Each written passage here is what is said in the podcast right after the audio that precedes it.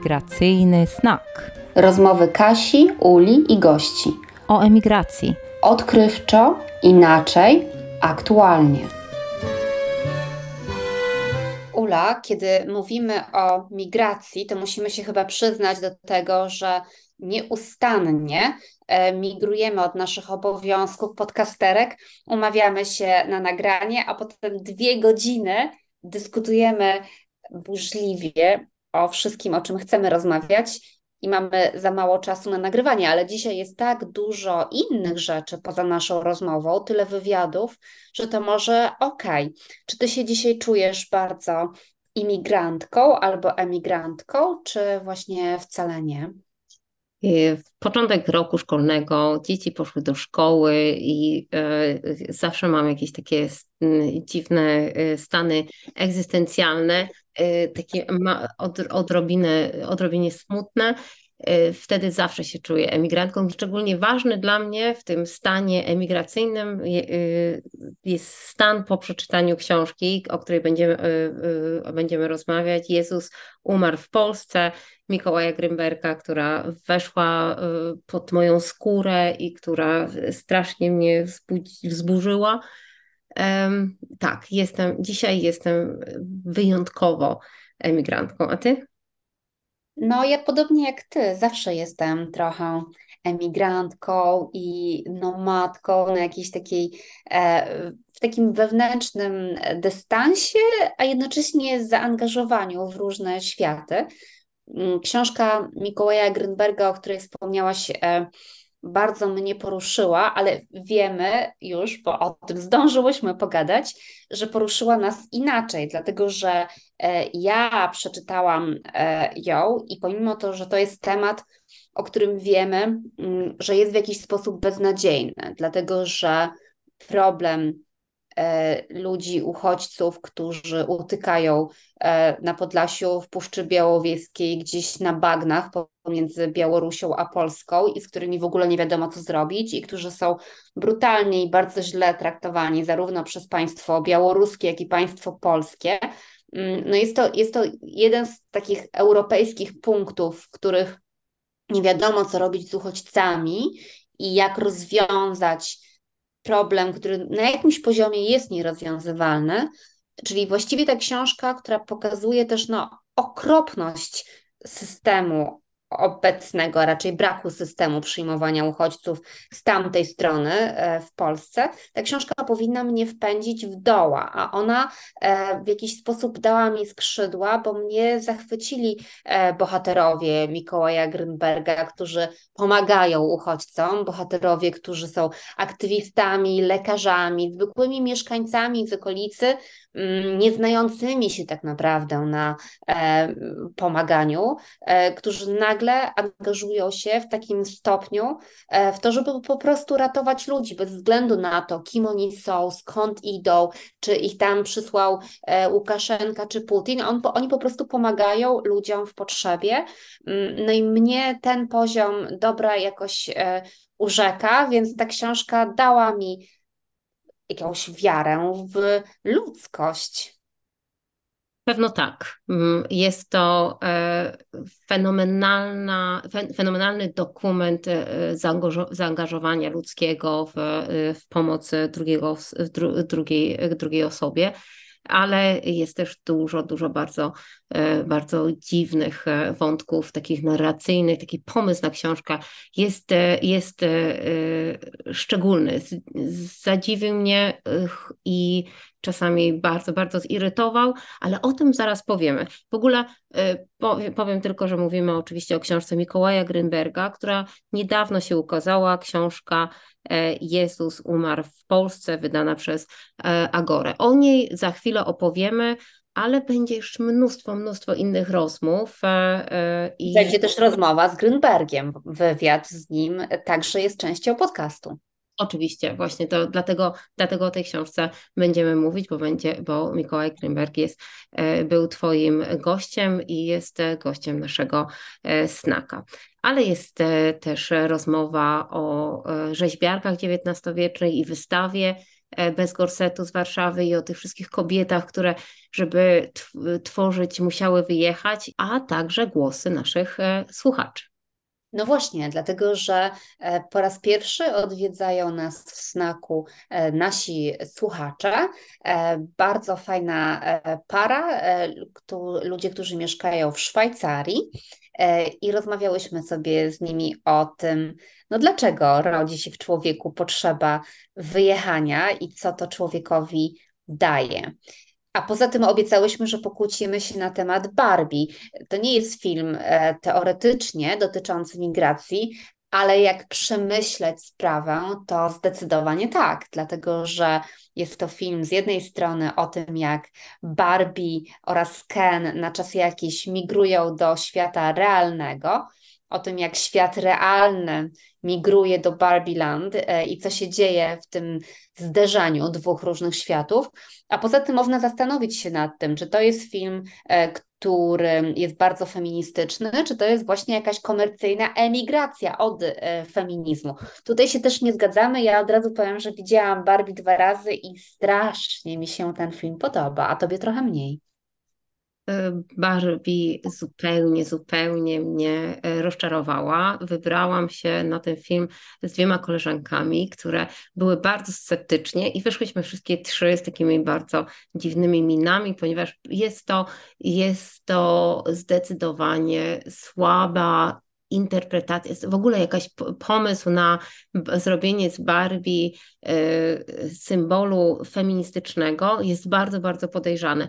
Bardzo podejrzane jest to, że każda kobieta chce mieć Barbie, że Barbie to jest symbol każdej kobiety, że Barbie, whatever Barbie can, you can, cokolwiek Barbie może, to, to możesz także ty. Y, Barbie przestaje być taką, takim symbolem takiego y, y, kapitalistycznego przedmiotu, który jest też potwornie, potwornie drogi, który jest tą, tym zmorą matek, które muszą kupować coraz to nowsze. A cały pomysł Barbie Landu jako świata fe, feministycznego jest jakąś takim koszmarną, nowoczesną seksmisją, której oczywiście Państwo wiedzą, że nie znoszę. No więc teraz musimy się już kłócić. Ja uwielbiam e, seks misję także, może dlatego podoba mi się e, film Barbie, e, który dodajmy, mm, został wyreżyserowany przez Gretę Gerwig, która jest znana ze swoich feministycznych poglądów i wcześniejszych feministycznych mm, filmów. To, co mnie w tym filmie urzeka, mnie jako też miłośniczkę Barbie, jako dziewczynka kochałam Barbie. Niestety nie miałam nigdy prawdziwej Barbie, tylko takie jakieś podróby, więc to też jest takie moje może niespełnione marzenie dzieciństwa, ale e, bardzo zgadzam się z tą myślą, że lalka Barbie nie jest wcale tylko i wyłącznie złem e, i, i, kapitalistyczną e, zabawką, która idealizuje ciało kobiece, tylko to jest właśnie ta zabawka, która daje dziewczynkom e, bawić się inaczej niż w to, że są mamami e, i, i karmią niemowlaki albo prasują im e, udawanymi plastikowymi żelazkami pieluchy, tylko Barbie pozwala dziewczynkom e, marzyć o jakichś zupełnie innych rzeczach. Poza tym e, to, co ja naprawdę pamiętam bardzo wyraźnie z dzieciństwa i co mnie jakoś olśniło w pewnym sensie, kiedy oglądałam film Barbie, mm, to jest właśnie wątek związany z Kenem i z jego absolutną niepotrzebnością w świecie Barbie.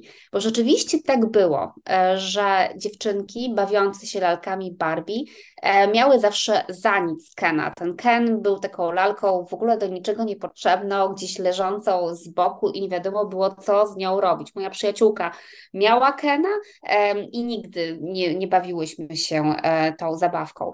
I pomyślałam sobie, że to jest rzeczywiście niesamowite, że ten moment w dzieciństwie jest takim momentem, e, kiedy dziewczynki odkrywają, jak fascynujący może być świat kobiet I nie ma w tym tego odkładania na bok przyjaciółek, aby zająć się mężczyzną. E, ten Ken w świecie Barbie jest dużo mniej ważny i to ma feministyczne znaczenie symboliczne, a z drugiej strony Ken e, jako taki odwrotny portret kobiet, które muszą mieć przy sobie mężczyznę, aby czuły się spełnione, bo Ken jest taką postacią, że on może być tylko i wyłącznie przy Barbie i tylko wtedy jest Kenem, jest no bardzo zabawną, e, prostą, ale jakże kluczową feministyczną myślą.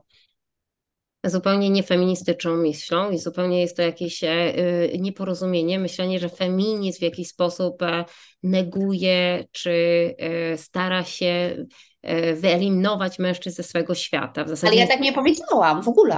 Ja nie powiedziałam, że to. Powiedziałam, że feministyczną myślą jest to, że nie istnieje się tylko przez miłość romantyczną, a Ken jest taką postacią w tym filmie, która istnieje tylko w relacji z Barbie i w tym sensie jest taką, takim odwróceniem portretu e, młodej kobiety, która e, poszukuje w patriarchacie, która poszukuje sensu swojego istnienia tylko przez e, związek. To miałam na myśli.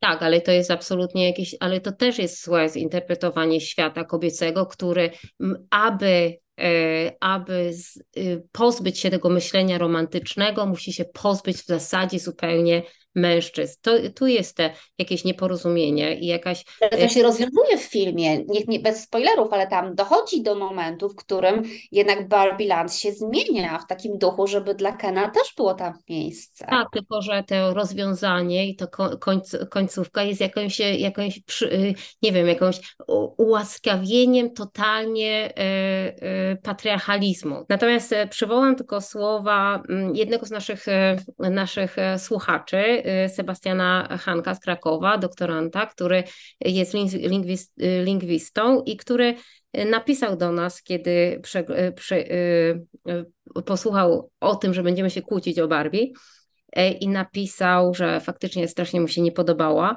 e, e, Barbie i napisał o komunikacie w związku z brakiem genitaliów, bo to, i to jest ciekawe, ponieważ tam Barbie właściwie dla niej nieposiadanie genitaliów nie ma, problem, nie ma żadnego problemu. Dla Kena oczywiście od razu jest. To znaczy świat, e, świat Barbie Landu w jakiś sposób, nawet czasami być może podświadomie, podświadomie reprodukuje patriarchat, jaki mamy i sposób, jakim my myślimy o, o, o, o genderze. Już nie mówiąc o tym, że wszystkie osoby niebinarne, nieheteronormatywne w tym świecie, w tym Barbie Land są wykluczone i są dziwaczne. To jest bardzo, bardzo politycznie podejrzany, podejrzany wątek. Ale Sebastian pisze tak. Komunikat o braku genitaliów, jedna z pier pierwszych scen w, realnych, w realnym świecie, komunikacja Barbie z budowlańcami, tam jest, to jest może spoiler, ale warto o tym na to zwrócić uwagę. Dla Kena stanowiło to problem, natomiast dla Barbie coś zupełnie naturalnego, a nawet powód do dumy. Nawet bez świadomości patriarchatu przetransponowano e, pewne wartości typowe dla stereotypowej męskości w patriarchalnym świecie i stereotypowej oczywiście kobiecości. Ta kobieta, która jest trochę no, jak e, wieczna e, e, dziewica. No tak, ale to się dzieje właśnie w świecie realnym, gdzie Ken zaczyna być pod bardzo silnym wpływem patriarchalnych wartości, a Barbie jeszcze nie może w ogóle uwierzyć, że coś takiego jak patriarchalny świat istnieje. To znaczy, ja generalnie lubię czasami inteligentną lekkość. Uważam, że ten film mają w sobie. Uważam, e, że po prostu on się też bawi pewnymi tematami, e, że trochę zabawne jest podchodzenie do tego jako, e, nie wiem, pracy habilitacyjnej na temat tego, czym jest lalka Barbie w kulturze popularnej. To jest po prostu dobrze zrobiona rozrywka, a jednocześnie film bardzo przewrotny, dający do myślenia i moim zdaniem ja czytam ten film mm, jako film jednak w bardzo fajny sposób na wiele, na, znaczy na, na wielu poziomach krytykujący e, patriarchat i pokazujący jakieś różne e, inne rozwiązania. Ale y, na pewno on ma też swoje słabości, ale dla mnie jest przede wszystkim oryginalny i ja uważam, że to jest takie łatwe, tak wejść w taki, taki wiesz, ponury nastrój i stwierdzić, och, seksmisja, mnie bardzo bawi seksmisja, do dziś uwielbiam ten film e, i może dlatego bawi mnie też Barbie e, i nie czuję się e, w opresji z powodu tego, że lubię film i że bardzo doceniam lalkę Barbie. I dodam, że jak mój syn, dorosły już dzisiaj, e, bardzo krótki okres miał, taki jak miał 6 lat chyba, że jakieś 3 tygodnie był zainteresowany tym, żeby bawić się lalkami. I ja mu wtedy kupiłam lalkę Barbie, którą on rzucił po dwóch tygodniach w kąt, ale ja byłam taka szczęśliwa, że mogłam ją kupić. E, także no cóż, no jakaś moja słabość najwyraźniej wychodzi. Jedna rzecz, która jest ważna y, i która jest y, bardzo podejrzana, to znaczy ja w ogóle bardzo, y, bardzo uważam na podejrzaną psycho, psychologię czy psychoanalizę w, w, w, każdym filmie.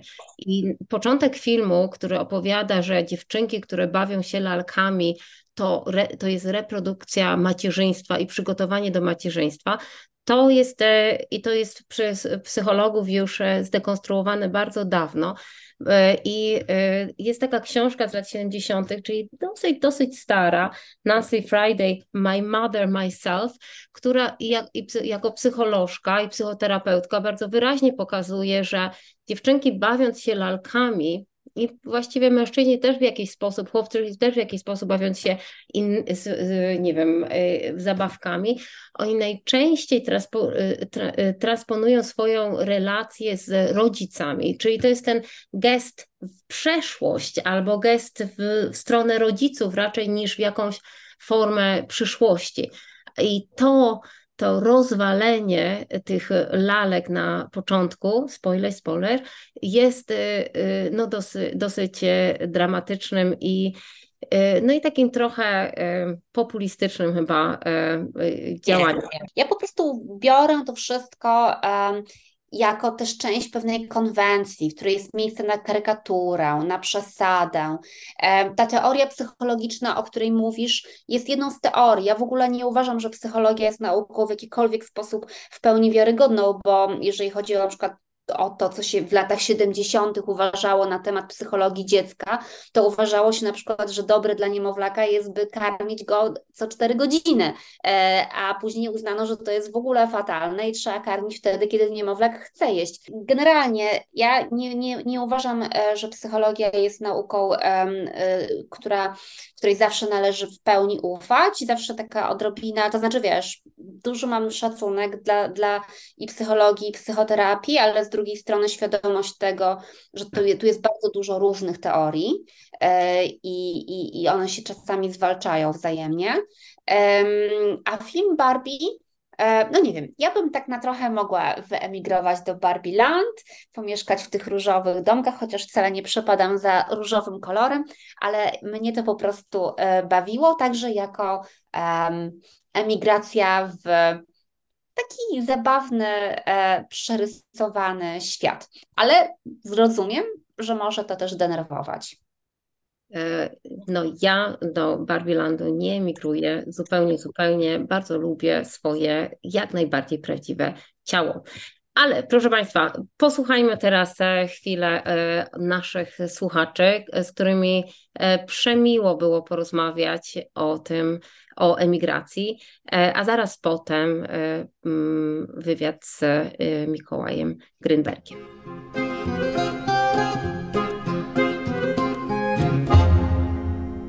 Witam Was bardzo serdecznie. Rozmawiamy z Michałem i Magdą, naszymi e, słuchaczami. Raczej Magda jest naszą słuchaczką, ale Michał e, w rozmowie z nami, z rozmowie takiej właściwie w wiadomościach. Przyznam się, że od czasu do czasu nas słucha, więc strasznie dziękujemy was, Wam za to.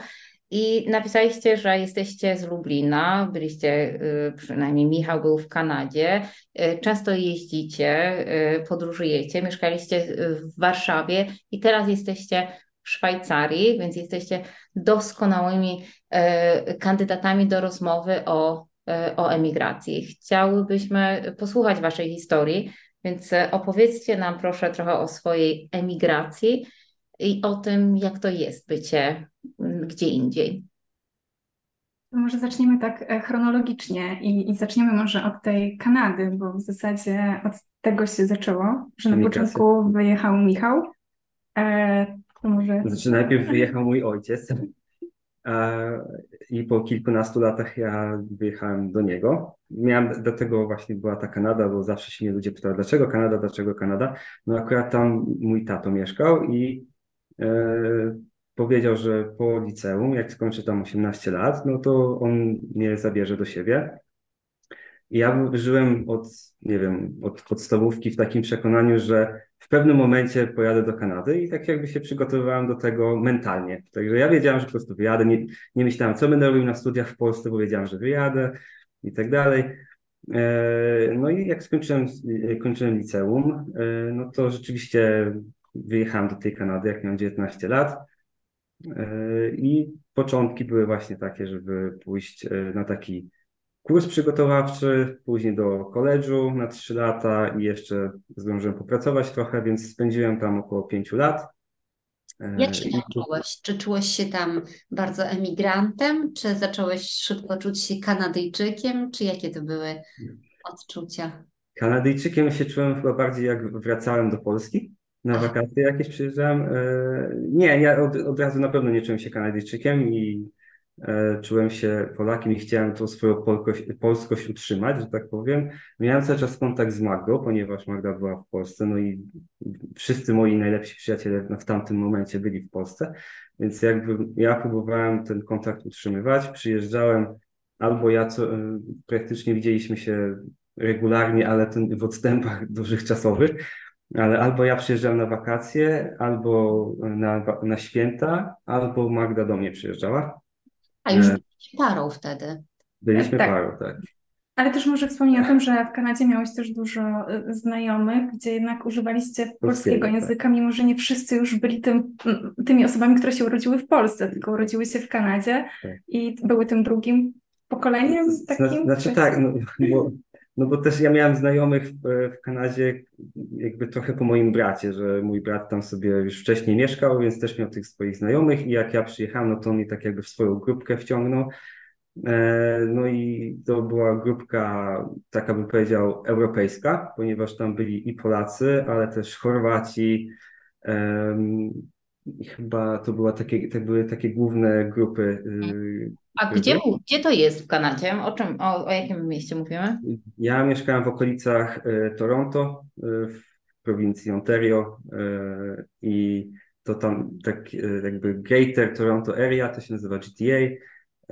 Ja mieszkam na początku w Mississadze, które jest takim dość polskim miastem i później się przeprowadziłem do Brampton, ale to była cały czas okolica Toronto, więc ja w Toronto studiowałem w Humber College, który jest wspaniałą uczelnią. E, I tam też pracowałem, ale jakby mieszkałem powiedzmy na obrzeżach, tak samo jak teraz jesteśmy w, Szwajcarii, to mieszkamy w kantonie Curych, ale do miasta Curychu mamy około 200 kilometrów i mieszkamy w takiej mniejszej miejscowości. Także y, no, przyjeżdżaliśmy, spotykaliśmy się cały czas, znaczy cały czas, no spotykaliśmy się na tyle, ile mogliśmy. Ja y, w pewnym momencie stałem się Kanadyjczykiem, bo też mam obywatelstwo podwójne, e, ale praktycznie w, e, w tym roku, w którym otrzymałem obywatelstwo, to wróciłem do Polski też, tak? Ale z tęsknoty do Polski, czy z tęsknoty do Magdy, Magdy czy jakich... E, głównie do Magdy, tak? Głównie do Magdy, do Polski jako kraj już te, tak trochę no, po tych pięciu latach byłem już trochę tak e, inaczej, jeżeli chodzi o jakby nieprzywiązanie do kraju samego w sobie. Czy ja tylko przerwę, że tobie trzeba było pewne rzeczy tak. tłumaczyć, jak w Polsce działają, tak. dlatego że Michał wcześniej nie pracował na przykład w Polsce i tłumaczenie, jak działa ZUS, jakie mamy podatki, to naprawdę dla Michała był pewien szok po, po Kanadzie. Ale później się nauczyłem tego, jak są rozliczane podatki, ponieważ miałem to też na studiach. I, I byłeś sobie emigrantem w Polsce potem. Byłem trochę emigrantem w Polsce, mhm. e, ale powrót tak, powrót był głównie dlatego, że mm, chciałem być dalej z Magdą, a po pięciu latach na odległość, no to jednak gdzieś trzeba zdecydować. I e, mi było łatwiej wrócić do Polski niż e, Magdę sprowadzić w tamtym okresie przynajmniej do Kanady. Znaczy, że ja też miałam swoje studia, które chciałam skończyć, Tak. nie chciałam po prostu rzucać. Wiedziałam, że to się wiąże też z taką um, pewnym zamrożeniem w Kanadzie, ponieważ e, no, nie byliśmy oficjalnie małżeństwem, więc e, powiedzmy taka pozwolenie na dłuższy pobyt wtedy nie wchodziło w grę. Nie, nie miałam tam pracy, więc też nie chciałam po prostu się ograniczać w jakichś kwestiach. Natomiast ja wtedy też miałam taki etap, taki, nie wiem czy nazwać to migracji, ale szukałam jakiejkolwiek okazji do wyjazdu, czy to na praktyki gdzieś w Europie i też e, czy wymiana Erasmus e, na Węgry, może teraz bym nie wybrała tego kraju ze względu na realia polityczne, ale e, też w Brukseli mm, odbywałam praktyki w Parlamencie Europejskim, więc jak tylko widziałam na studiach możliwość wyjazdu, to zawsze gdzieś była we mnie taka, nie wiem, chęć, chęć wyjazdu i zobaczenia po prostu, jak to jest być gdzieś indziej. E, I też nabrać dystansu do pewnych rzeczy, dlatego że mi się zawsze wydaje, że jeżeli, nie wiem, będąc w jakimś jednym miejscu, w jednym środowisku, e, mamy trochę ograniczone spojrzenie na pewne kwestie i dopiero tak naprawdę wyjazd daje takie właśnie szersze spojrzenie albo skonfrontowanie tego, co na przykład myśleliśmy na dany temat. I tak naprawdę Później przez 10 lat byliśmy w Warszawie, co w pewnym sensie też było jakąś migracją, bo tak jak powiedziałyście na początku, my pochodzimy z Lublina, więc w tej Warszawie też musieliśmy się jakoś odnaleźć, chociażby, nie wiem, no, poznać, gdzie tu się wychodzi i jakieś kluby, tak wtopić się w to miasto, bo ani Michał wcześniej nie mieszkał w Warszawie, ani ja. E, Z no, nie słucham? Szwajcaria, w której jesteście od jak dawna? E, Michał jest w zasadzie od roku. Ja dokoń- e, dołączyłam w tym roku, w, marcu. w marcu. E, I w zasadzie ta decyzja to też była taka, już bardziej, to nie była taka spontaniczna decyzja jak na studiach, tak? Ona była bardziej przemyślana z tego względu, że też mam oczywiście syna, którego też musieliśmy przygotować na, na taką wyprawę. E, Ale zaczęło się od tego, że Michał dostał kontrakt, który był taki warty mm, pochylenia się nad nim. Natomiast też wiadomo, wchodziło wiele zmiennych, tak, bo ja też pracowałam, miałam swoją pracę, e, ale gdzieś tak po tych 10 latach w Warszawie zaczęliśmy czuć, że jednak w tej Polsce robi się tak duszno i tak i metaforycznie, i dosłownie. E, Jakoś tak coraz bardziej mieliśmy wrażenie, że tkwimy w jakimś takim miejscu. I nie chodzi e, tylko o, nie wiem, perspektywę lepszych zarobków, ale też, e, nie wiem, wszystko to, co dzieje się dookoła. Na przykład mnie jako matkę bardzo martwiło to, jak wygląda system edukacji w Polsce i w jakim kierunku on zmierza, tak? Jak porównuję to teraz ze Szwajcarią, to po prostu, nie wiem, zastanawiam się właśnie, jak to jest możliwe, że w Polsce dalej idziemy w takim, a nie innym kierunku, a w Szwajcarii w zasadzie wszystko jest niezmienne od bardzo długiego czasu, wszystko jest tak dokładnie zaplanowane, czy nie wiem, jeżeli chodzi o ferie, o, o to, w jaki sposób, nie wiem, nie wiem, chociażby to, że dzieci do przedszkola tak, chodzą. chodzą same i nikt z tego nie robi jakiejś wielkiej afery. Natomiast w Polsce nie jestem zwolennikiem w ogóle tego, co się dzieje z polską szkołą i tak jakoś chcieliśmy też uchronić może naszego syna przed tym, albo po prostu dać mu może szansę, żeby zobaczył, jak jest gdzieś indziej, bo e, zarówno ja i Michał w jakimś sensie przeszliśmy przez tą edukację i system e, polskiej szkoły. Michał miał tą szansę, żeby jechał i zobaczył właśnie, jak jest też gdzieś indziej się kształcić i, i widzę, że to procentuje, tak? Sami widzimy, że e, są ogromne różnice. Ja mam w takim razie takie pytanie, bo musimy zaraz chyba kończyć, e, a, dlatego że no niestety nasz podcast nie dopuszcza takich strasznie długich rozmów, ale gdybyście mieli powiedzieć, jako tacy świeżi e, e, imigranci już w Szwajcarii, co was w Szwajcarii zachwyca, dwie rzeczy, i co was zaczyna strasznie wkuwać. I niech to będzie tylko jedna rzecz. Mhm. E, To, co nas zachwyca, to oczywiście ta przyroda i e, tak, i, mm, jeżeli chodzi o mnie, to ogromne poczucie mm, ludzi względem siebie, tak? Że nie, nie boję się zostawić tam roweru e, nieprzypiętego i wiem, że nikt mi go nie zabierze. Nie boję się, nie wiem, że mój syn idąc do przedszkola nie, nie dojdzie do niego tak naprawdę.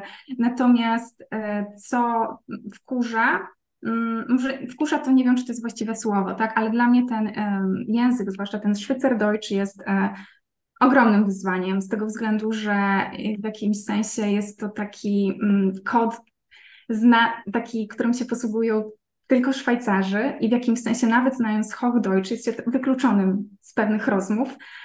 E, I ciągle gdzieś muszę po prostu wertować słownik Schweizerdeutsch e, English, bo e, i znajdować jakieś pewne słowa, no, których znając nawet podstawowe słownictwo z Hochdeutscha, jest no, ciężko, ciężko to przełożyć. No i też takiej spontaniczności może trochę, tak? Bo Szwajcarzy też nie są takim narodem, który by tak chętnie wchodził w small talki, raczej ma wszystko zaplanowane. I um, ty możesz też więcej powiedzieć, tak jak opowiadasz o pracy, że czasami ludzie też mają, nie wiem, te wszystkie wizyty u fryzjera zaplanowane e, z dużym wyprzedzeniem. Jeżeli pociąg nie przyjeżdża o tak 15, e, 5 tak, minut, to już jest. Ja, ja, przeżyłem, ja przeżyłem taki szok, jak e, zobaczyłem pierwszy raz sytuację, gdzie pociąg się spóźnił chyba 14 minut i zostało to wyświetlane na tablicy, że pociąg będzie 14 minut spóźniony i ludzie normalnie wyciągali aparaty i robili zdjęcia. To się nie zdarza, tak? Jak 2-3 minuty się spóźni, to już jest dużo. I jak było 14, to było już, ludzie po prostu robili zdjęcia i dla mnie to był taki szok, że aż, aż tak to jest nie, nie, niespotykane u nich, tak? E, gdzie w Polsce, nie wiem, półtorej godziny czekania na, na pociąg to nie jest nic wyjątkowego, powiedzmy, na niektórych relacjach, tak, w niektórych e, miastach. No, mi się podoba to, jeżeli chodzi o mnie, to y, oczywiście przyroda, bo to, bo to prawda, i, i ten taki spokój, który osiągnęliśmy może trochę przez to, że nie mieszkamy w takim mieście jak Warszawa, ale po prostu e, zupełnie inny poziom. Tak jest zielono, jest jezioro niedaleko, można się przejść, pomimo tego, że dłuższe są godziny pracy, co jest minusem, ale, tak. ale jest ten trochę czasu, żeby po prostu po pracy nawet wyjść i gdzieś się przejść dookoła, spędzić czas normalnie Po prostu w zasadzie na wyciągnięcie ręki, ale mieszkając w Szwecji właśnie doskonale to wiecie i to jest właśnie coś, co ja teraz odnajduję w Szwajcarii, dlatego że mieszkając w Warszawie nawet wyjście do lasu no nie jest takim spontanicznym e, nie wiem, wydarzeniem, tak? To trzeba zaplanować. Natomiast e, podoba mi się to, jak Szwajcarzy traktują naturę i jak są uczeni obchodzenia się z nią już od, od małego, czyli to, że na przykład dzieci obowiązkowo raz w tygodniu mają wyprawę do lasu, tak? I uczą się spędzać ten czas. Trzymamy kciuki za Was bardzo mocno. Dziękujemy za, za rozmowę. Znak sztokholmskie konwersacje Kasi i Uli. Pamiętajcie, polubcie nas na Facebooku i na Instagramie. Bądźcie z nami na patronite.pl. Istniejemy dzięki temu, że Wy jesteście. Porozmawiajmy o książce y, Mikołaja Grymberga, o której już e, rozmawialiśmy chwilę. Ty rozmawiałeś z Mikołajem i e, Grymbergiem y, i, i to jest książka, która faktycznie wchodzi pod skórę, jak mówiłam, i e, kilka razy byłam zupełnie zdeterminowana, żeby już tego już więcej nie wiedzieć. To są rozmowy z aktywistami, którzy E, którzy w, z różnych powodów, a przede wszystkim z powodów geograficznych, ponieważ mieszkają na Podlasiu i widzą w zasadzie e, na co dzień ludzi, uchodźców e, w, na swoich terenach, po prostu muszą pomagać, ponieważ są to ludzie, którzy są najczęściej w olbrzymiej potrzebie, w olbrzymiej biedzie. W, jeżeli nie jest to lato z odmrożeniami, a czasami jest to lato, ale z odmrożeniami, bo jak, jak mowa o dwunastoletniej dziewczynce, która jest w lesie od stycznia, więc w, jakkolwiek znaleziona w czerwcu, ma już odmrożone e, wszystkie palce u nóg. To jest, to jest koszmarny, ten, ta książka to jest koszmarny obraz tego, co się dzieje na Podlasiu, tego absolutnego politycznego impasu, niemożności rozwiązania konfliktu w tym, w tym nowym szlaku migracyjnym. Y, rozmowa z aktywistami to nie jest roz, książka i nie przyniesie ona ani y, żadnych rozwiązań, ani żadnych obiektywnych dyskusji. Dyskusje są y, z ludźmi, którzy są pełni złości, pełni rozpaczy, pełni wypalenia i pełni często w depresji, którzy mówią o tym, że muszą pomagać, ale są też w absolutnej rozpaczy. To jest książka która jest, opowiada o rozpaczy aktywistów i rozpaczy e, i tej rozpaczliwej sytuacji.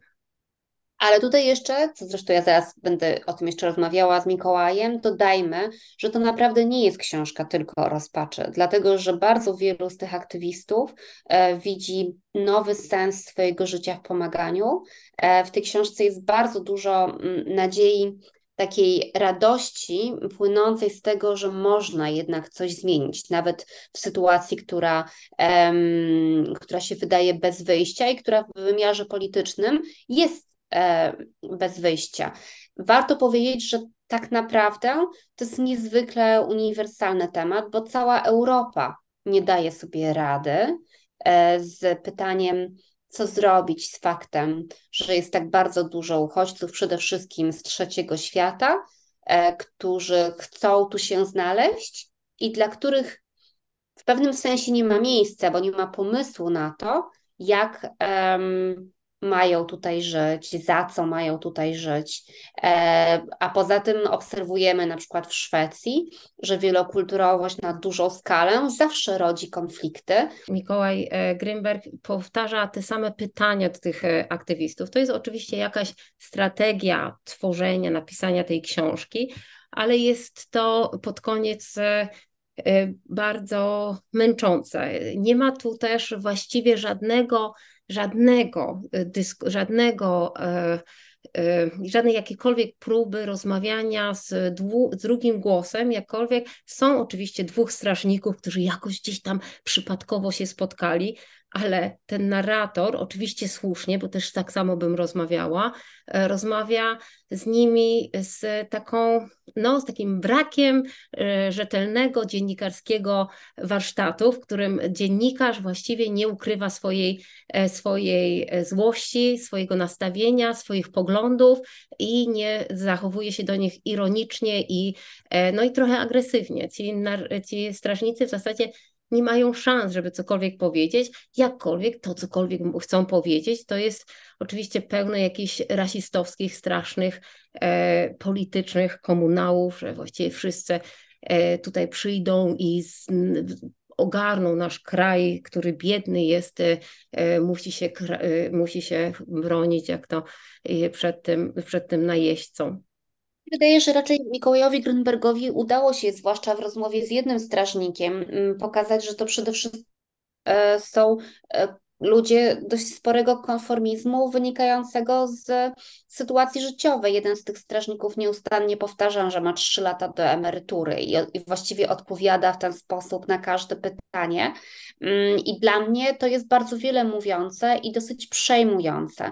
Ja zresztą, mm, e, ja w ogóle uważam i sama piszę takie książki, e, że wywiad, czasem taki prosty wywiad, jest bardzo silnym e, reporterskim narzędziem i że to jest w ogóle bardzo mało narcystyczna i bardzo empatyczna forma e, reportażu. E, dlatego ja uważam, że ta książka Grünberga mm, w swojej prostocie, nawet w tej powtarzalności pytań, jest właśnie bardzo dobrze napisana i że ona, ona po prostu ma taką moc E, naocznego świadka, który, jak powiedziałaś, nie jest do końca obiektywny. I to, że Grünberg nie ukrywa swoich emocji, jest dla mnie formą jego uczciwości bo on to mądremu czytelnikowi po prostu pokazuje w swoich pytaniach. On, on nie napisał książki, e, która opowiada tę historię ze wszystkich stron i nie wynalazł jakiegoś polityka pisowskiego, który tłumaczy e, i to jest zrozumiałe i brzmi dobrze, dlaczego tak musi być. On napisał interwencyjny, dosyć krótki, więc przez to też nie tak męczący reportaż. Ja mm, jestem fanką tego tekstu, ale znowu rozumiem e, Twoje uwagi i, i fajnie, że ta książka wywołuje emocje. To e, zdecydowanie nie jest książka o uchodźcach, ale jest to ważny, jak mówisz, dokument o aktywistach, którzy E, którzy pomagają, którzy pomagają mimo wszystko. E, książka jest też bardzo ciekawym głosem w narracji takiej e, postholokaustowej, to znaczy to jest taka trochę opowieść o, o tym, co to znaczy być w sytuacji dramatycznej, że przede wszystkim, przede wszystkim trzeba ratować ludzkie życie i że uratowanie ludzkiego życia, jak chce bardzo znana talmudyczna zasada, to jest uratowanie całego świata, to ta zasada, która bierze się właśnie też, jest taką podstawą tego, co w żydowskiej kulturze nazywamy tikkun olam, czyli ratowanie świata. I ta, ten, ten postholokaustowy dyskurs, ten, ten wątek tego, że zawsze trzeba ratować, zawsze trzeba być po stronie życia, jest ciągle ciągle obecny w, tej, w, tej, w tych wywiadach. Posłuchajmy teraz Mikołaja. Mikołaj, Twoja książka mnie naprawdę powaliła na kolana na, na wiele sposobów. E, po pierwsze, dlatego, że temat tego, co się dzieje na granicy polsko-białoruskiej, oczywiście mnie interesował. Ja czytałam różne rzeczy w mediach, a jednak po prostu ta wiedza, której ty dostarczasz, jest e, no, no, no jest czymś, co otwiera oczy w zupełnie inny e, sposób. Poza tym ta książka jest genialnie napisana, bardzo wciągająca i mówi w ogóle coś strasznie ważnego o współczesnym świecie. Ja nie wiem, jak ty zdołałeś to zrobić, żeby w tak krótkiej też opowieści tak wiele zawrzeć, więc jakbyś najpierw wyjaśnił, co się stało, że ten temat w sumie nie do końca twój tak wydawałoby się, stał się tak strasznie dla ciebie ważny, że uczyniłeś go, myślę, ważnym dla każdego twojego czytelnika. Dzięki za te dobre słowa. E, słuchaj, ja myślę, że to jest mój temat.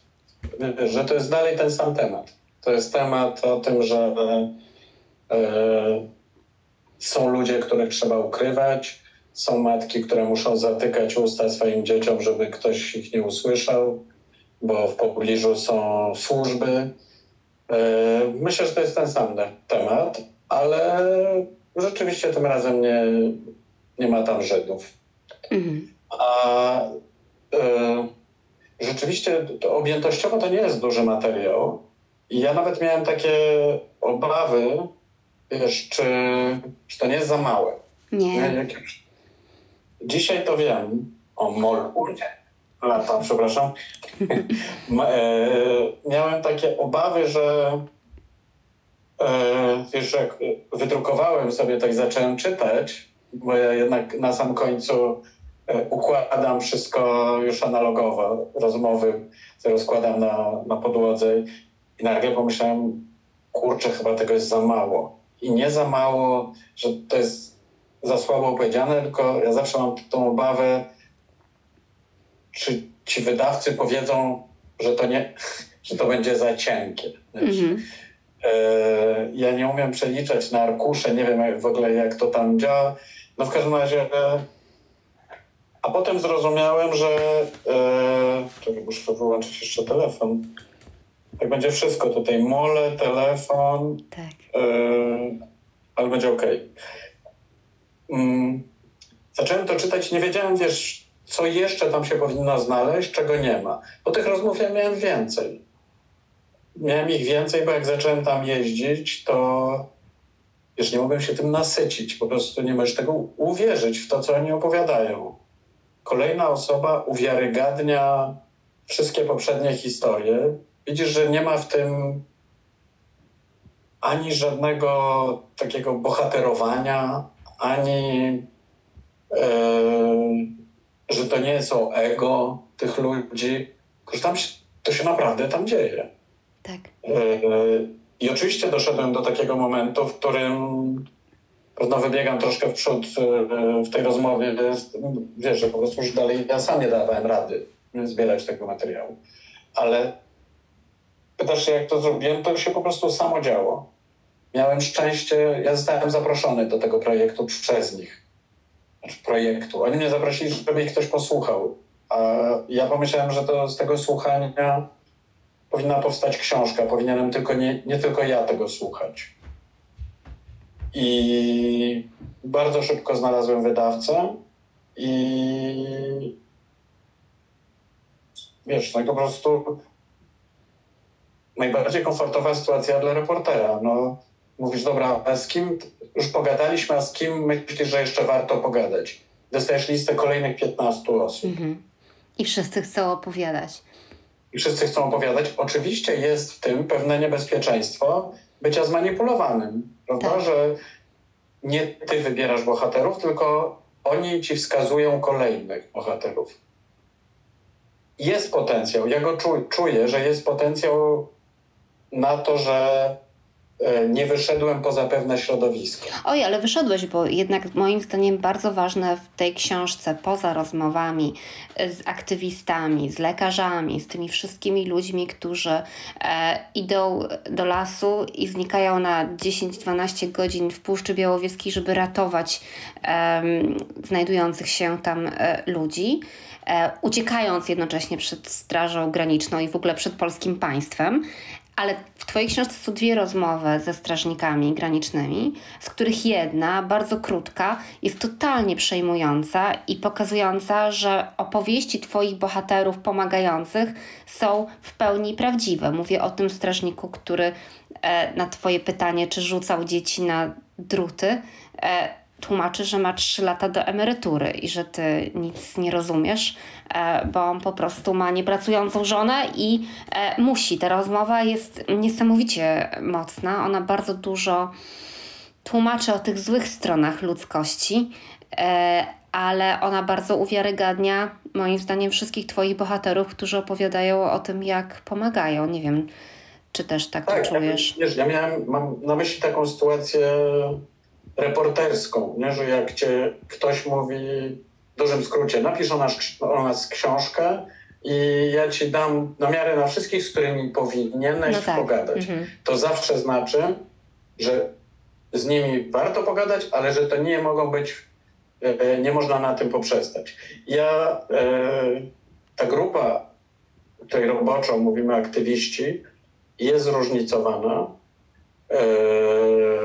I dzisiaj są w tej książce ludzie z różnych środowisk w ramach grupy Granica. Mhm, tak. Niekoniecznie e, wiesz, to co na przykład mówi Basia Samosiuk, że niektórzy uważają, że ona kolaboruje e, z komendantem e, Straży Granicznej, ona tak pomaga. I koniec. I, i, I rzeczywiście niektórzy uważają, że to jest kolaboracja, inni uważają, że to jest pomaganie. Tak, ale tam poza, poza tymi bohaterami, z którymi rozmawiasz, pojawiają się też takie postacie, o których się wspomina, jak ta starsza pani, która e, wozi ugotowane kartofle dla, e, dla uchodźców, boi się ich zaprosić do domu, ale wozi im jedzenie, jak wie, że gdzieś e, są. Mm, w ogóle mogę powiedzieć tak, że Michał Nogaś napisał o Twojej książce, że ona powinna być wykorzystana w sądzie jako dowód oskarżenia przeciwko państwu polskiemu. I ja się z tym mm, bardzo głęboko zgadzam, bo tak, ale jednocześnie dla mnie ta książka jest źródłem jakiejś niesamowitej nadziei.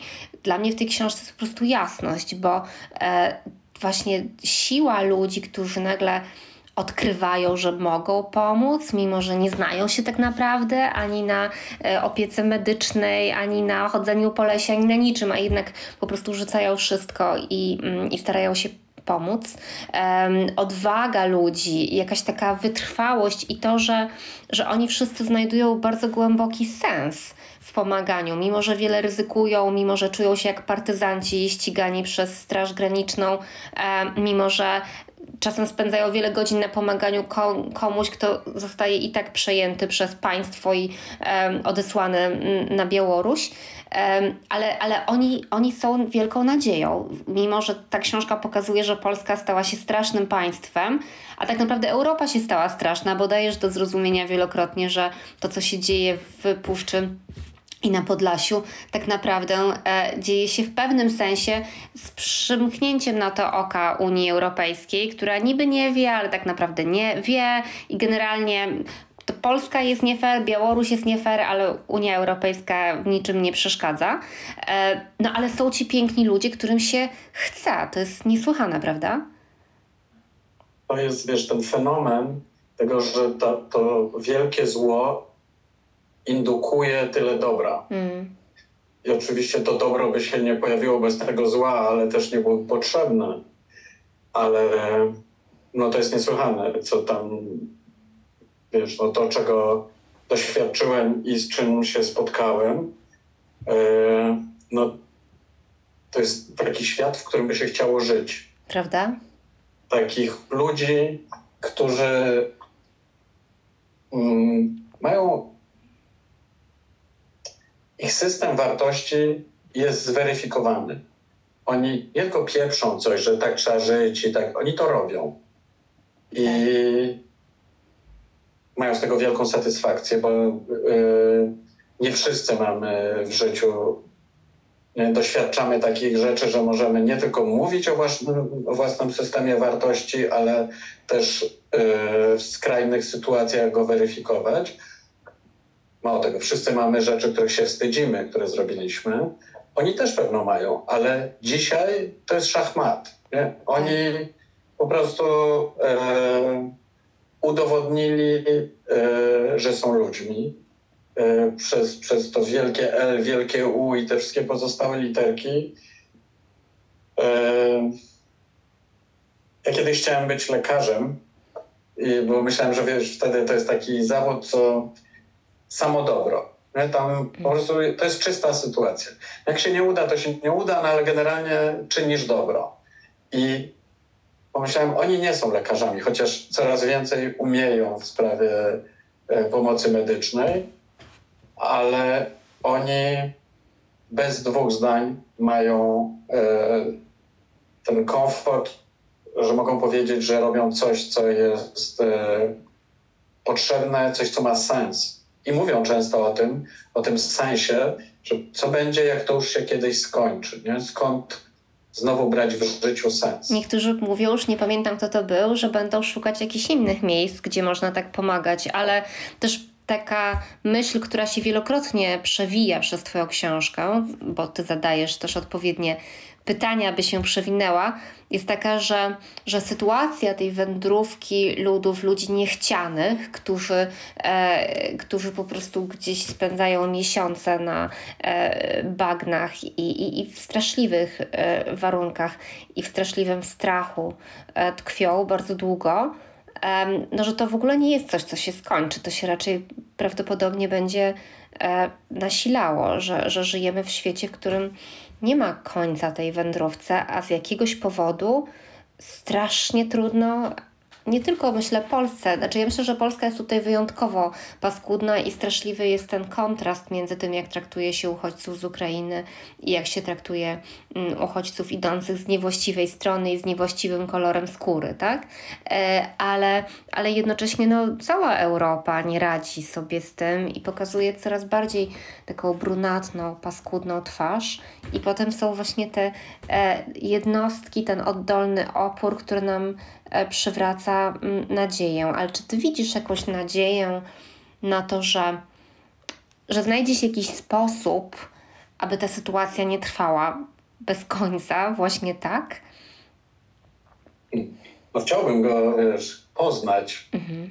Jeśli ty go znasz, to Nie, no właśnie nie. Ja właśnie ciebie pytam, ja, ty jesteś ekspertem. Tak, ja nie, nie, nie znam go. Ja... Mhm Yy, to jest główny zarzut do mnie, wiesz, ostatnio taki, że właśnie yy, mówię jak nie trzeba, a nie mówię jakie jest rozwiązanie. Ale ja nie, nie zajmuję się demografią, migracjami, ekonomią, socjologią, klimatem. Ja mówię o tym, że ceną mm, naszego wyimaginowanego bezpieczeństwa nie może być cudze życie. Tak. O tym jest ta książka. Także mhm. jestem pewien, że nie musi tak być, nie musimy zabijać tych ludzi, a ich zabijamy. Wyrzucając ich, opłacając tych strażników, e, płacąc podatki, nie celowo na to, ale koniec końców między innymi na to. I w związku z czym wszyscy jesteśmy e, w tym, mamy te ręce upaprane w cudzej krwi. No tak. w imię naszego bezpieczeństwa. Tak, przy czym warto dodać, że tak naprawdę to ty pokazujesz pewne rzeczy, które należy zrobić. E, między innymi pokazujesz, że po prostu spotkanie z uchodźcami jest czymś, co bardzo łatwo leczy z tych stereotypów, e, i straszaków, takich, że to gwałciciele, kobiet, tak? Większość aktywistek to są dosyć młode kobiety, które biegają same po tym lesie i e, e, spotykają dosyć młodych mężczyzn, którzy z reguły są po prostu w strasznym stanie. E, I jakoś nic się takiego e, nie wydarzyło. To znaczy, e, generalnie opowieść ludzi, z którymi rozmawiasz o tym, jacy są ci uchodźcy, to jest opowieść o niezwykle wdzięcznych, e, bardzo delikatnych w relacji e, z tymi, którzy im pomagają, bardzo przestraszonych e, ludziach, z których niektórzy są prości, a niektórzy są e, lekarzami lub inżynierami. Generalnie są różni i to też nie ma znaczenia, kim są. Ale, mm, ale tam w ogóle nie ma kogo się bać, prawda? Z tego lasu po prostu wychodzą ludzie, którzy są niesamowicie wdzięczni za podzielenie się z nimi papierosem, tak? Mm. No i ciepłym ubraniem, suchym i tak dalej, i tak, Tak, dalej. tak, tak, no szeregiem rzeczy. To Moglibyśmy mówić te rzeczy o tych gwałtach, Mhm. gdybyśmy mieli czyste sumienie. Gdyby w Polsce nie było gwałtów, e, my się tu sami gwałcimy. No, Nie? Ni- Nikogo nie potrzebujemy do tego. tak, Sami się zabijamy po pijaku samochodami, siebie, innych. E, mamy przemoc rodzinną. Naprawdę nie, zanim e, e, pojawiają się u nas ci goście. tak, Więc tutaj wiesz, przychodzą ludzie i Tak. ludzie są różni. Mhm. Są i tacy, i śmacy, z takimi obciążeniami, z innymi, z jednej kultury, z drugiej. To się i tak będzie działo. Ale jeśli naszym argumentem w tej wielkiej dyskusji będą te bzdury, to nigdy nie będziemy, nie, nie dojdziemy do tego, co jest sednem. A sednem jest to, że to się dzieje i to się stanie. Nie będziemy tu mieszkali sami w Europie. Tak. Nie da się obronić twierdzy Europa, e, bo ten, to się nie uda, ten pomysł, że my tu będziemy dobrze żyli, a gdzie oni będą żyli gorzej, no już trudno, to po prostu tak jest. No tak, to tak jest z tym klimatem, no w takim miejscu oni są, no to, to już jest po prostu ich sprawa. Tak nie będzie. nie, oczywiście. Oni tu nie. przyjdą. Oni tu Mm. przyjdą, czy jak mówi Eliza Kowalczyk e, w rozmowie, e, musimy się nauczyć posunąć trochę.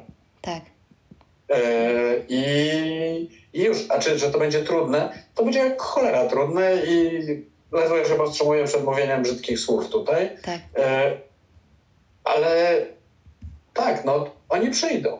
tak. Jeśli ktoś uważa, że nie, jest debilem.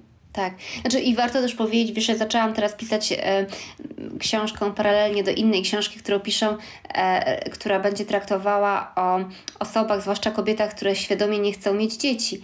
E, I to zjawisko w Europie e, jest coraz szerszym zjawiskiem, więc nawet z tego względu, e, że, że Europejczycy po prostu trochę inaczej teraz żyją, to w ogóle po prostu migracja jest absolutną koniecznością. To, żeby ci ludzie przyszli, jest także ratunkiem. I na pewno jest tak, ja sama mieszkam e, w wielokulturowym kraju, który ma z wielokulturowością sporo problemów i jest nim, jak wiemy, Szwecja, ale to, to nie zmienia faktu, że tak jak mówisz, to się po prostu e, zdarzy.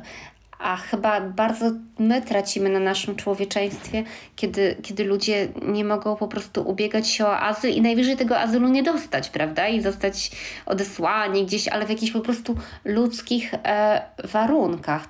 E, ja myślę, że, że rzeczywiście to pokazujesz, jak bardzo szybko i łatwo można stracić człowieczeństwo, ale też jak bardzo pięknie tego człowieczeństwa e, można bronić. A czy ty sam, jako reporter, czy w momencie, w którym napisałeś tę książkę, zrobiłeś te wszystkie wywiady, czy ty jesteś w stanie tak zupełnie zostawić? Bo twoi bohaterowie często mówią o tym, że, że dla nich powiedzmy wyjazd na wakacje, czy pojechanie do jakiegoś tam miasta i życie zwykłym życiem zaczyna być niemożliwe, bo oni mają poczucie, że to, co ważne, dzieje się właśnie tam, w lesie, że tam są kolejni ludzie, którym trzeba zanieść e, śpiwór i, i pomóc z okopową stopą, tak to się nazywa, tak?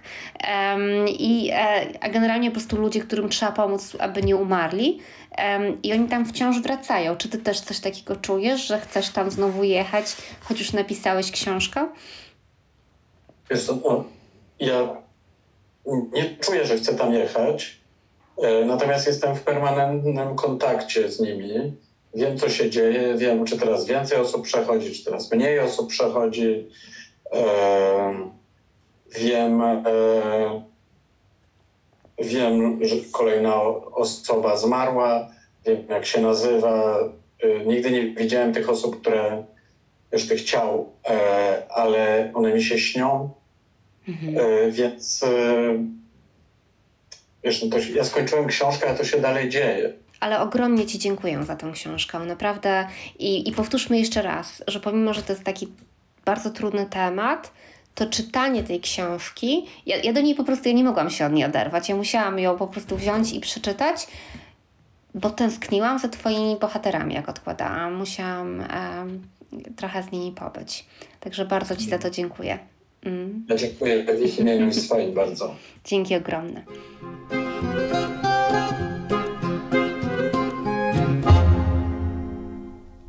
Po rozmowie z Mikołajem Grynbergiem, y, którą przeprowadziła y, Katarzyna, posłuchajmy zupełnie innej rozmowy. Y, rozmowy, która przenosi nas w świat XIX-wiecznej rzeźby i kobiet marginalizowanych, które właściwie nie, nie, miały prawa uczyć się na akademii, zwłaszcza rzeźby, bo była to mm, szczególnie męska rzecz.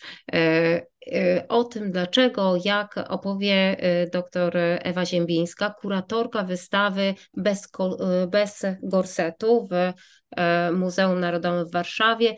Wystawa, która przy, przy, przy okazji zebrania rzeźby, i to jest pierwsza wystawa rzeźby Camille Claudel, Polsce e, przedstawia też całą serię rzeźbiarek polskich, zupełnie zapomnianych XIX-wiecznych rzeźbiarek z Polski, które faktycznie wszystkie musiały emigrować, e, migrować, aby, e, aby uprawiać tę sztukę.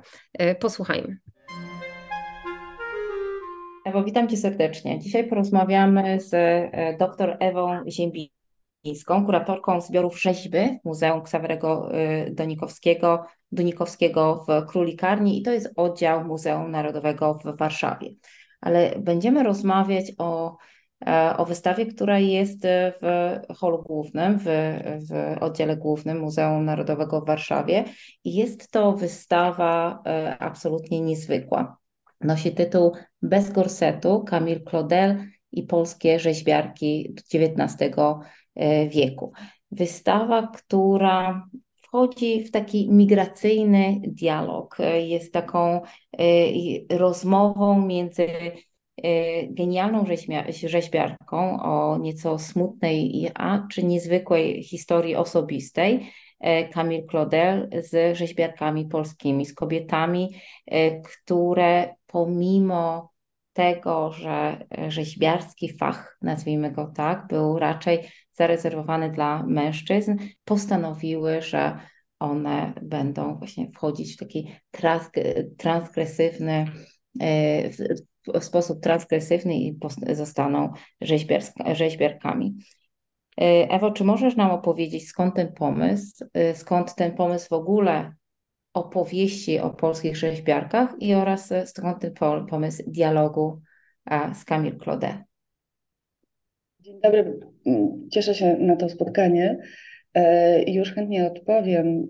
To jest e, wynik trochę przemyśleń nad naszą kolekcją, nad kolekcją Muzeum Narodowego w Warszawie, ale także nad kwestią e, tematu rzeźbiarek, który tak naprawdę nie był wzięty jako projekt badawczy i też wystawienniczy tak en masse. I w związku z tym ja jakby specjalizując się w końcu XIX i początku XX wieku, zobaczyłam całe grono dziewczyn, rzeźbiarek, e, które miały, musiały mieć swoje poprzedniczki i miały także swoje kontynuatorki.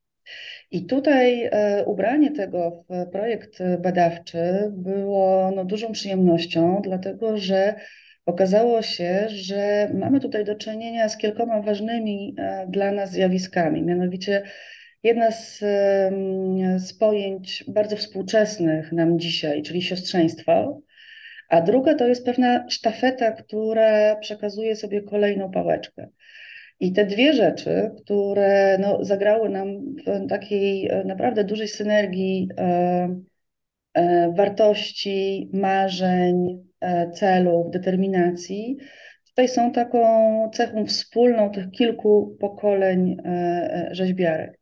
I narodził się pomysł, żeby mm, te rzeźbiarki, które są dosyć wyjątkową grupą artystek, bo mm, tak jak tutaj podkreśliłaś, e, kiedy one właściwie zaczynają w XIX wieku rzeczywiście walczyć o swoje prawa i o wyjście na rynek, e, to jest moment, kiedy ta dziedzina sztuki jest traktowana a priori jako dziedzina męska. W związku z tym one muszą rzeczywiście pokonać e, wiele przeszkód, żeby po prostu tworzyć jako, mm, jako rzeźbiarki. E, I e, mój projekt zakłada skupienie się właśnie na XIX wieku i na XIX-wiecznych polskich rzeźbiarkach.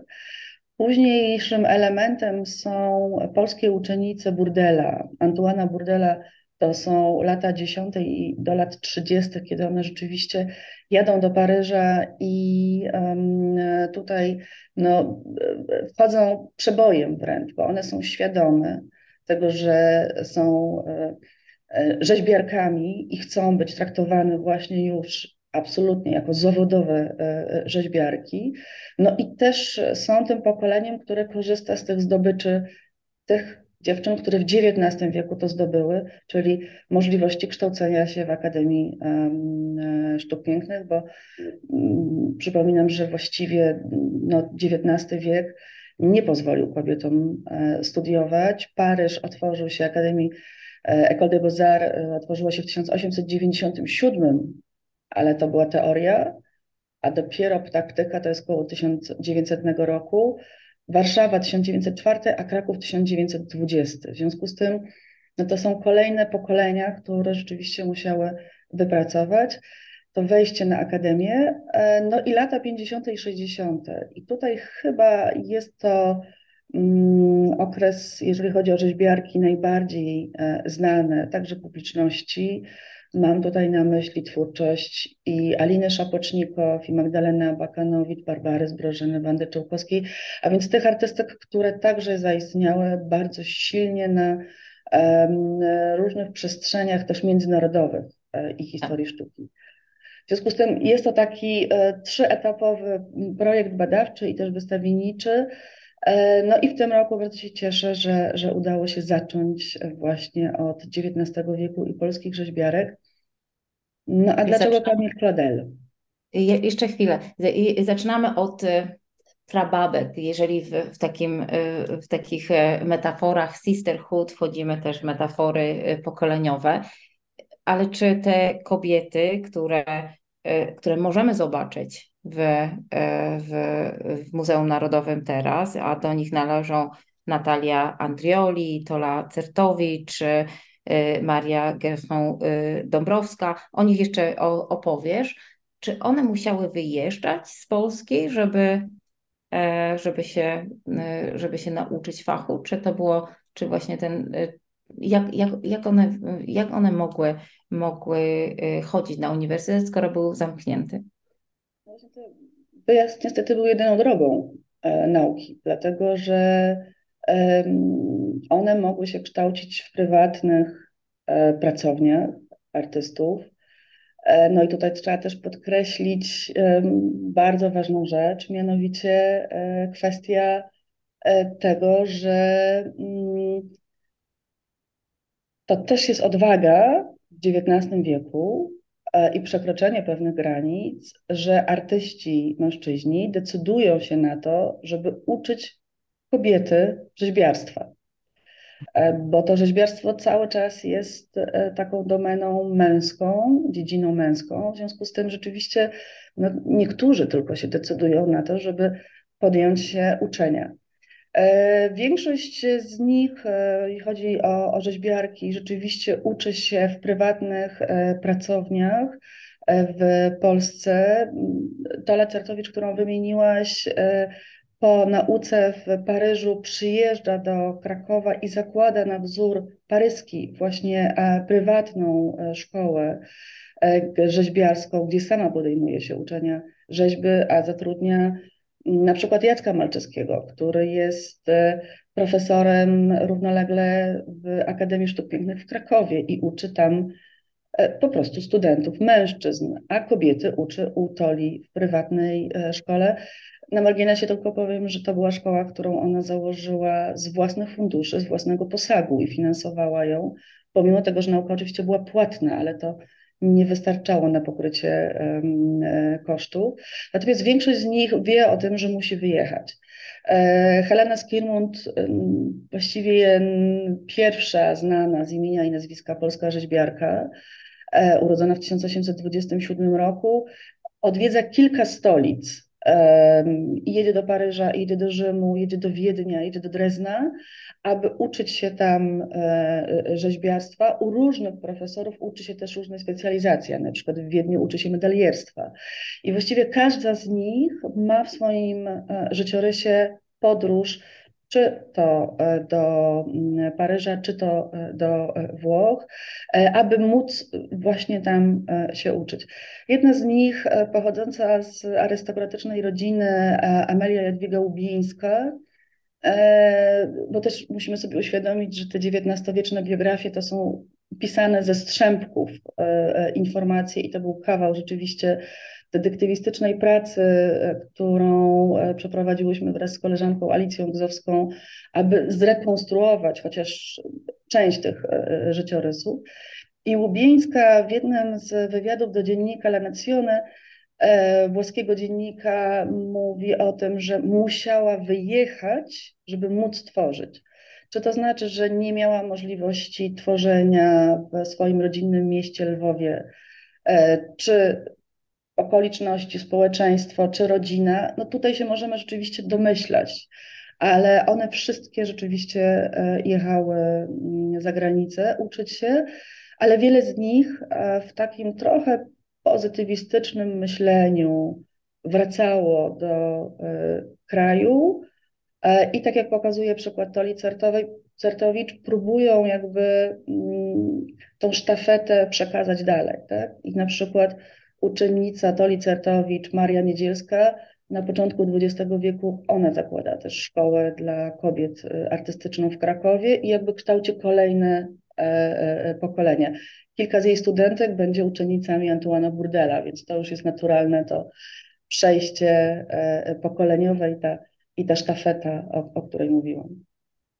To jest niesamowita historia i faktycznie trzeba, trzeba powiedzieć, e, e, że, że to od, odkrywanie tych historii to, są, to, jest, to jest, jak powiedziałaś, praca detektywistyczna i e, no i to jest pisanie często właśnie z takich strzępków informacji, ale wystawa jest niezwykła. Ja miałam szczęście E, widzieć ją e, wraz z Tobą i Ty nam opowiadałaś tę historię. Byliśmy tam razem z, ze współczesną rzeźbiarką e, Iwoną Demko, widziałyśmy się również z Martą Dzido, z pisarką i mama Kasi Tubelewicz również była. Wszyscy byłyśmy absolutnie zachwycone tą historią i cieszymy się na następne następne, rozumiem, trzy opowieści, e, trzy etapy. E, ale skąd ta, skąd pomysł na e, Camille Claudel? Skąd ten dialog i czy jest jakaś informacja, że któraś z tych, z tych rzeźbiarek spotkała ją? Miała z nią jakiś kontakt? Wiesz co, nie udało się dotrzeć do takiego dowodu który by jasno stwierdził, ja jestem badaczką z tego pokolenia, co jak nie ma twardego dowodu, dokumentu, e, to zawsze postawi znak e, zapytania.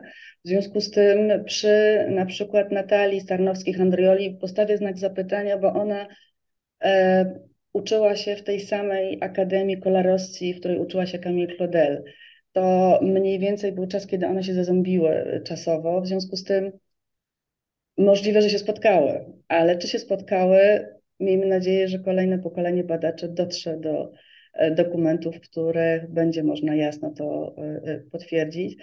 Natomiast wracając do postaci Camille Claudel, dla mnie ona była tutaj trochę Trochę pojawiła się jako punkt drugi, pomimo tego, że w tytule wystawy jest jako punkt pierwszy w moim myśleniu. To znaczy, moim pomysłem było najpierw skupić się na polskich XIX-wiecznych rzeźbiarkach, ale jak zdałam sobie sprawę, jak one mało są rozpoznawane, nawet wśród e, ludzi z mojej branży, wśród historyków e, e, sztuki, i na proste pytanie, wymień mi nazwisko polskiej XIX-wiecznej rzeźbiarki, następowała pewna konsternacja i szukanie nazwisk.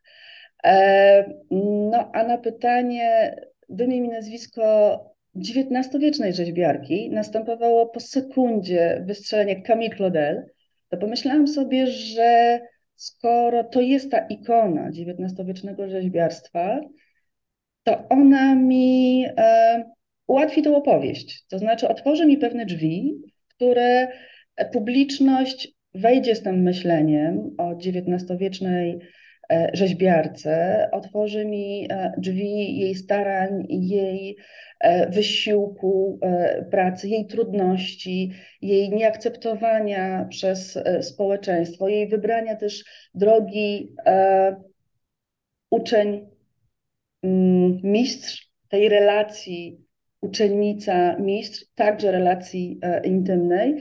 W związku z tym pomyślałam sobie, że, że, że, że ja absolutnie muszę w tą opowieść o polskich rzeźbiarkach E, wpleść, zaprosić, e, spowodować właśnie dialog pomiędzy e, Camille Claudel i naszymi polskimi rzeźbiarkami. Było też to dla mnie wyzwanie, ponieważ Camille Claudel nigdy nie była pokazywana w Polsce. W związku z tym miałam też takie poczucie, że to jest pierwszy raz, kiedy polska publiczność będzie mogła w Polsce się spotkać z, z jej e, e, twórczością. Bez gorsetu, czyli e, no, wolność. To jest taka, taki chyba synonim wolności. Na koniec chciałam zapytać rzeczy, które pewno, pytanie, które są pewno trudne i pewno nie powinnam zadawać pytania. Twój ulubiona rzeźba z, z tych polskich rzeźbiarek na tej wystawie? Którą trzeba zobaczyć. Jeżeli to nie mam takiej jednej ulubionej, nie mam takiej jednej ulubionej, bardziej bym chyba przeleciała ulubiona w sali na przykład, to, to byłoby łatwiejsze. Natomiast e, ja myślę, że e, na wystawie jest pokazanych kilka aspektów, które mm, one z ogromną determinacją e, musiały wejść w tą, w tą dziedzinę. I chyba najbardziej podoba mi się to, że każda ta historia to jest historia um, kobiety, która walczyła o spełnienie swoich marzeń z ogromną determinacją. I właściwie każda praca e, to pokazuje. Mhm. E, ulubiona wystawa, e, ulubiona rzeźba Claudel? Wiesz, ta ulubiona rzeźba Claudel, to chyba bym tutaj e, sfokusowała się na to opuszczenie, które ty przywołałaś, dlatego że tam jest taki ładunek e, emocji. To jest cudowna lekcja, którą e, Camille oczywiście wyniosła od Augusta Rodena, bo to on dokonał tej rewolucji e, w, w rzeźbie, wprowadzając to napięte ciało, które wyraża emocje, te napięte mięśnie.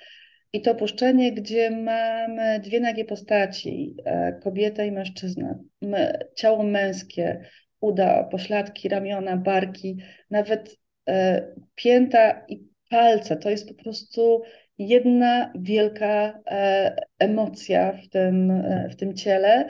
I ciało kobiety, które opiera się na nim, jest w takim omdleniu i w takiej um, absolutnej lekkości bycia. no, tam, tam się dzieje. Tak, tak, jest niesamowita. E, I jeszcze jedno pytanie, które mam e, e, o, twój, Twoje badania, o Twój research, czy, badania także z Alicją Budowską, która razem z Tobą przygotowywała tę wystawę, czy przygotowała materiały do tej wystawy. Camille Claudel to jest też historia kobiety, która ma przed sobą wielką karierę, a później przez chorobę, przez depresję, przez paranoję, niektórzy mówią przez taki dyskurs, którego bardzo często w, w, w, który pojawia się w historiach kobiet, dyskurs szaleństwa, są, jest opuszczona, zupełnie zmarginalizowana. Czy podobne historie gdzieś pojawiły się w polskich, w historiach polskich rzeźbiarek. Mamy oczywiście Marię y, y, Komornicką, Piotra Własta w literaturze, a, a jest podobna historia w polskich rzeźbiarkach końca XIX wieku? To, takiej, takiej symetrycznej nie. Takiej symetrycznej nie, nie mamy. Dola Certowicz, która musiała zamknąć y, szkołę ze względów finansowych, na początku XX wieku e, podróżuje pomiędzy Warszawą i Krakowem, trochę to wystawia i widać, że, że, że, że coś się dzieje, gdzieś szuka swojego miejsca i w pewnym momencie wstępuje do kanoniczek warszawskich. E, I wydaje się, że właściwie historia rzeźbiarki się już skończyła, ale wcale nie. Okazuje się, że ona, będąc kanoniczką, organizuje sobie tam w zgromadzeniu przestrzeń, E, pracowni rzeźbiarskiej i tam dalej rzeźbi. W związku z tym ta historia się wcale nie, e, nie kończy. Historia Camille Claudel jest rzeczywiście wyjątkowa, jeżeli chodzi o to, że rzeźbiarka na 30 lat została pozbawiona możliwości tworzenia. Świat gdzieś o niej zapomniał, to trzeba jasno powiedzieć. Została przywołana E, wielką wystawą w Muzeum Rodena w 1951 roku i tutaj bardzo o tą wystawę zabiegał jej brat Paul Claudel, którego portret też można zobaczyć na wystawie jako jedna z pierwszych w ogóle rzeźb e, Camille Claudel, stąd e, mi bardzo zależało, żeby właśnie przywieźć do Polski tą rzeźbę. No i 2017 rok, kiedy powstało Muzeum Camille Claudel w Nogent-sur-Seine, w miejscowości, gdzie tak naprawdę został odkryty jej talent przez Alfreda Buschera i w tej przestrzeni pierwszej na wystawie Mistrzowie pokazujemy właśnie jego przepiękną pracę Joanna Dark, która dla mnie też jest pewnym symbolem, że mówimy o, o Joannie Dark, którą Boucher pokazuje nie jako wojowniczkę w zbroi na koniu, ale jak zazwyczaj jest pokazywana, ale jako młodą dziewczynę, w delikatnej e, sukience, luźno puszczonym biustem, rozwianym e, e, włosem, a oczywiście to wszystko wyrzeźbił w marmurze z ogromną delikatnością i finezją. I tak jak mówiłam o tej rzeźbie, tak przeniosłam się na wystawę i obok na wystawie stoi rzeźba Ellen Berto. I myślę, że warto, żebyśmy też chwilę o nim e, powiedziały, bo to jest postać, e, do której mm, musimy też wrócić jako tej, która zaczęła tak naprawdę tą walkę o dopuszczenie kobiet do nauki e, rzeźbiarstwa, do tego, żeby mogły zasiadać w jury konkursów, żeby mogły brać udział w ogóle w tych konkursach, żeby mogły otrzymywać zlecenia państwowe, co jest niezwykle istotne dla rzeźbiarza, żeby mogły brać udział też w Prix de Rome. I ta Hélène Berthaud, e, która Część swoich rzeźb podpisuje jako Leon Bertot, Madame Leon Bertot, czyli to jest to francuskie żona Leona Bertot, czyli ta Leonowa Bertot, co, co w Polsce też było sto, stosowane, doprowadziła rzeczywiście do tego, że kobiety mogły te zlecenia otrzymywać, dostać się do akademii. I e, w Paryżu e, podczas badań natknęłam się na pierwszą jej monografię, wydaną w 1911 roku, i tam wobec niej zostało użyte słowo francuskie sororité, czyli siostrzeństwo. Czyli jej rola była postrzegana właśnie w tych e, e, kategoriach i jakby walcząc o dostęp dla innych kobiet, stała się też taką aktywistką na rzecz e, właśnie dopuszczenia do zawodu rzeźbiarskiego.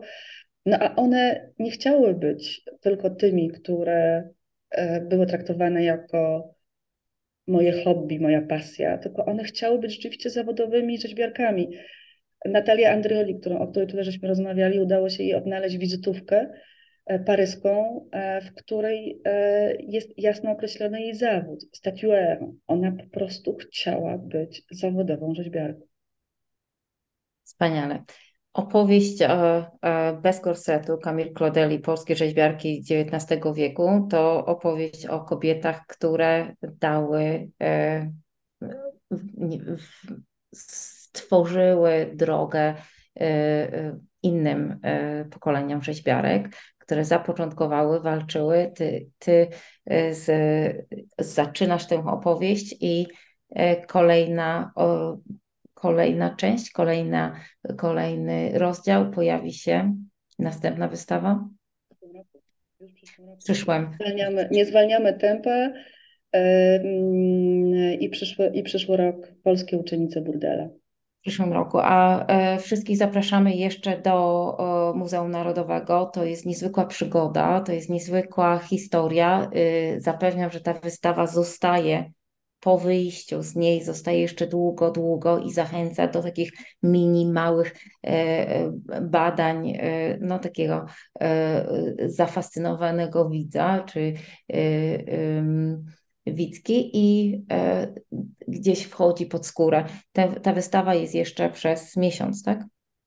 Do 10 września, tak. I jeszcze może też zaprosimy 31 lipca jest performance, e, który jest e, przygotowany. sierpnia. 31 e, sierpnia, tak, absolutnie. To jeszcze raz. Może też zaprosimy 31 sierpnia, jest przygotowany performance rzeźbiary. I tutaj Weronika Pelczyńska, która cudownie wchodzi w historię rzeźbiarek, rzeźb, no i jest to rzeczywiście przedstawienie, które działa mocno na emocje, także zapraszam. Performance, performance będzie w, w, w, na wystawie, tak? Performance będzie w przestrzeni przed wystawą, a później jest wejście na e, wystawę. Trochę już zdradzam e, pewne szczegóły. 31 sierpnia e, o 19, a wcześniej o 18 E, ja będę miała przyjemność wygłosić wykład o Camille Claudel i będzie to wykład głównie o twórczości Camille Claudel, aczkolwiek ciężko będzie e, nie zahaczyć o jej życiorys, ale przede wszystkim droga twórcza. Bilety, wejście na to, performance, wykład jest wszystko na stronie muzeum. Tak, wykład jest absolutnie bezpłatny, e, także zapraszamy, a wystawa do 10 września w Muzeum Narodowym w Warszawie. Do 10 września bez gorsetu e, Kamil Kodeli, polskie rzeźbiarki XIX wieku, a w przyszłym roku e, opowiemy o następnej wystawie. Ewo, bardzo, bardzo Ci dziękuję. To ja dziękuję serdecznie za zaproszenie i za Waszą cudowną obecność na wystawie, no i za dzisiejszą rozmowę też. Bardzo.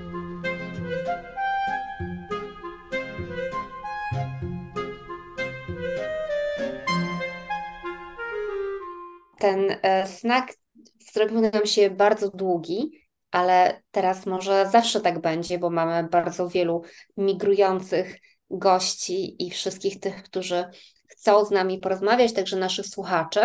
E, na koniec musimy powiedzieć o pewnej bardzo fajnej niespodziance dla naszych patronów, bo my w tej chwili robimy mnóstwo wywiadów, mamy już zapas wywiadów na kolejne podcasty i one powstają z reguły także w wersji wideo i są dłuższe w rzeczywistości niż to, czego możecie posłuchać w podcaście. E, I teraz nasz taki nowy pomysł jest e, następujący.